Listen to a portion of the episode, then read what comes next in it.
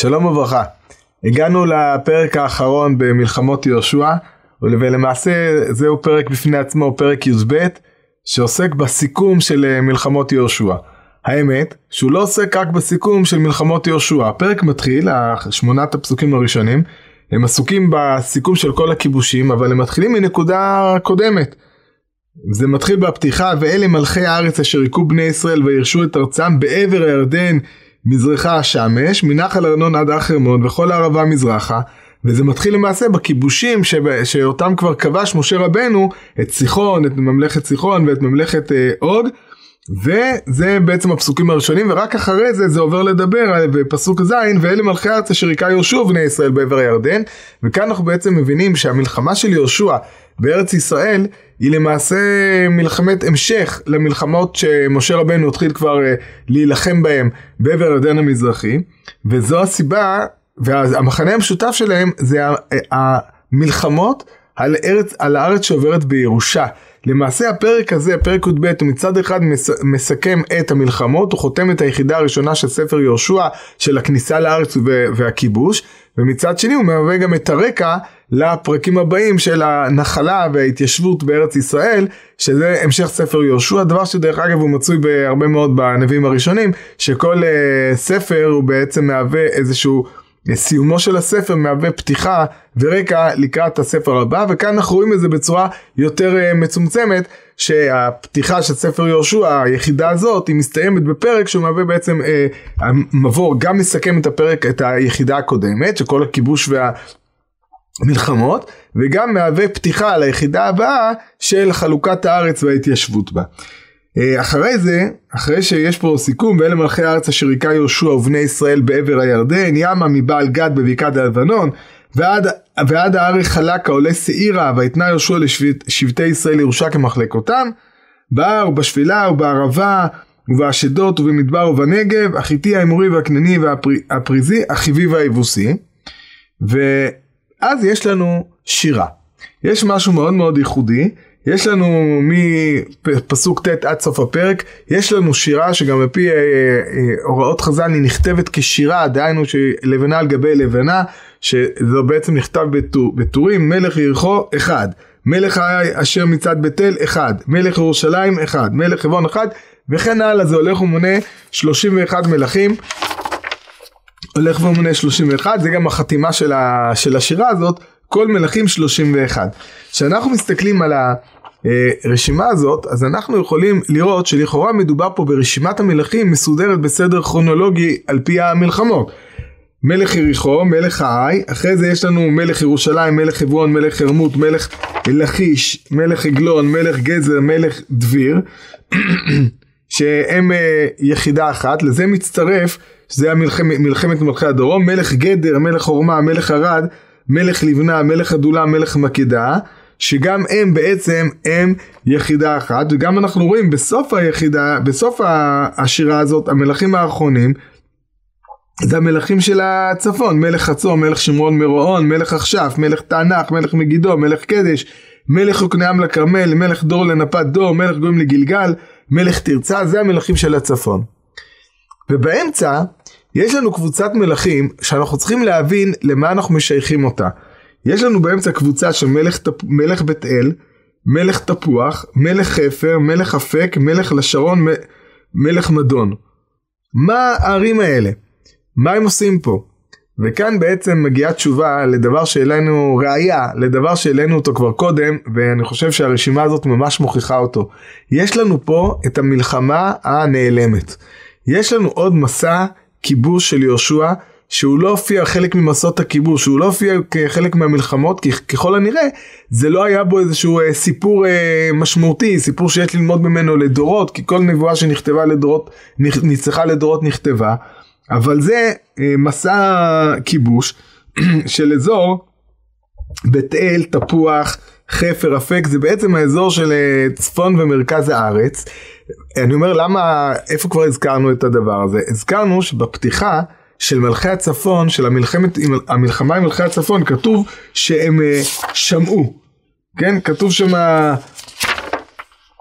ויהי כי שמו יבין מלך חצור וישלח, מה הוא שמע? מה שמועה שמע ובא. והזכרנו בזמנו שהשמועה הזאת זה לא שהוא שמע מה עשו לעי ולמלכה כמו שאנחנו ראינו אה, בפתיחות אחרות, אלא השמועה היא בדרך כלל שמועה משהו אחר. הוא שמע כמו שהזכרנו בזמנו, הזכרנו לגבי, אה, אה, לגבי אחרים. השמועה הוא שהוא שמע משהו אחר, ומה בעצם הוא שמע? אני חושב שהתשובה היא נעוצה פה, בעצם ראה שעם ישראל מתחיל להתקדם צפונה. הוא שומע שעם ישראל אה, אה, הולך וכובש את האזור של, אה, של תפוח, של בית אל, של חפר, זה האזורים של, שהם נמצאים במרכז הארץ וצפונה. אחרי שהם סיימו עם מלכי הדרום, הם הולכים והם מתקדמים צפונה, והדבר הזה הוא זה שמעורר בעצם את מלכי הצפון לבוא להתאגד יחד ולהילחם עם ישראל. אז אם כן, פה אנחנו רואים בתוך רשימת המלכים הזאת, מתחבט לנו Uh, המלחמה שלא הזכרנו קודם, איזשהו מסע מלחמתי שיהושע נע צפונה והוא בעצם המהווה את הדבר שמעורר את מלכי הצפון. הדבר המעניין במלחמה הזאת, בשירה הזאת, שמדובר פה בשירה. מדובר פה בשירה, אי אפשר להתבלבל בזה שהרשימת המלכים הזאת היא לא סתם רשימת מלכים. יש כאלה שאמרו שזה נאמר כשירה. ואחד, או אולי יהושע אמר מלך עגלון, וכל העם צעק אחד, בצורה כזאת, מה שהיה איזושהי אה. שירה אינטראקטיבית של אה, עם ישראל אה, כולו. אבל כשאנחנו מסתכלים בפרק י"ג, בפרק הבא, אנחנו רואים, ויהושע זקן בא בימים, ויאמר אדוני אליו, אתה זקנת באת בימים, והארץ נשארה הרבה מאוד לרשתה. ואז יש פה רשימה של כל הארץ הנשארת, וזה דבר נורא נורא מעניין, הרי אנחנו סיימנו את הכיבושים, שרנו שירה. ומכאן אנחנו יכולים uh, להבין שמלחמות, יש מלחמות שהן uh, לא מסתיימות מהר. יש מלחמות שאתה בעצם סיימת כבר את המלחמה, אבל עדיין זה, יש שרידים, יש דברים שעדיין צריך להמשיך אה, לטפל בהם. נשארה ארץ, נשארה הארץ הנשארת, היא עדיין נשארת. יש עדיין דברים שצריך, לי, כל מיני כיסים שצריך או להילחם בהם, או שהם ייטמעו בתוך עם ישראל, זה בעצם דבר שילווה אותם בספר שופטים. זה לא בהכרח דבר נפלא, כי באמת הכיסים האלה הרבה מאוד פעמים הם יוצרים קשיים ויוצרים בעיות, אבל uh, לפעמים ההכרזה על ניצחון ועל סיום המלחמה, הוא לא בהכרח כאשר אתה גמרת באופן טוטאלי את כל הדברים, אלא בעיקר אחרי שאתה השגת את השליטה על השטח, ואתה יכול להמשיך לממש את, ה, אמ, את השלב הבא, שהוא השלב פה במקרה שלנו, של הירושה והנחלה, זה הדבר שמבחינתנו כבר מהווה את הנקודה, נקודת ציון מספקת כדי לסכם את המלחמות וכדי לשיר את שירת הניצחון למרות שעדיין, כאמור, המאבק לא הסתיים, עדיין יש מה לעשות, עדיין יש מקומות ויש אה, ערים ויש חלקים שעדיין צריך להשלים את הכיבוש שלהם כדי שהם לא יפריעו לנו לכל מהלך ההתיישבות, אבל זה דבר שהוא אה, לא מונע מאיתנו את אה, שירת הניצחון. ומעבר לדברים האלה, יש עוד נקודה, ואני חושב שהיא הנקודה הכי מרכזית בפרק הזה. שהניצחון צורך שירה. שמצליחים, ברגע שאתה מצליח לנצח, ברגע שאתה מצליח ל... ל, ל להילחם באויביך ויכול להם, ברגע שאתה מצליח לייצר שליטה, שליטה על הארץ, שליטה על מה שאתה צריך, שמגיע הדבר הזה, הרגע הזה, שמגיע הרגע שבו אתה יכול לבוא ולהגיד, אוקיי, יש פה נקודת ציון, שבנקודת הציון הזו, אני בעצם ניצחתי את המלחמה, הדבר הזה הוא דבר שצריך שירה. הוא צריך הודיה, הוא צריך שירה, הוא צריך איזשהו אה, אירוע מיוחד. ראינו את זה בשירת הים. שירת הים, מהי שירת הים? שירת הים זה בעצם השיר על השם כי גאו גאה וכו', סוס ורבור רמה בים, זה לא רק שירה על שירת הים, זה בעצם האבן, האבן האחרונה, האבן, הדבר שחותם את הסיוט המצרי של עם ישראל. מעכשיו המצרים הפכו להיות לבלתי רלוונטיים מהשעה הזאת. הדבר הזה ברגע שעכשיו זה הדבר האחרון של המלחמה, המכה בפטיש של נקמת השם במצרים, שעם ישראל מצליח עכשיו לנצח את מצרים, להיפטר ממצרים, זה דבר שהוא מצריך שירה, שירת הים.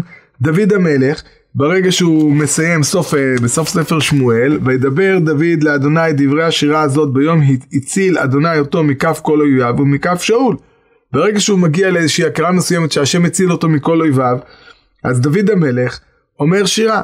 אחת הטענות שרבותינו זיכרונם לברכה טוענים כלפי חזקיהו המלך, שאחרי שהוא ניצח את סנחריב, אחרי מפל את סנחריב, הוא היה צריך להגיד שירה והוא לא אמר שירה, כן, אומרים שרצה הקדוש ברוך הוא להפוך, להפוך את, את חזקיהו למלך המשיח ואת סנחריב לגוג ומגוג, ולמה זה לא, זה לא נעשה? בגלל שהוא לא אמר שירה.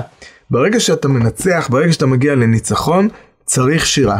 השירה הזאת היא מהווה הודיה, השירה הזאת היא מהווה גם איזשהו סימן לזה שבאמת היה משהו, קרה משהו, וזה לא איזה משהו ש, שעבר לידינו, ולכן זה המסר המרכזי, כמדומני, של השירה הזאת, שנמצאת פה ביהושע, מעבר לדברים האחרים, מעבר למלחמות, דברים שאפשר ללמוד מהם, המסר המרכזי זה, זה שהניצחון צריך שירה, בעזרת השם שננצח בכובד כל אויבינו, ונחסל את האיום שבהם, ונוכל אה, לשיר אה, שירה גדולה על אה, הדבר הזה.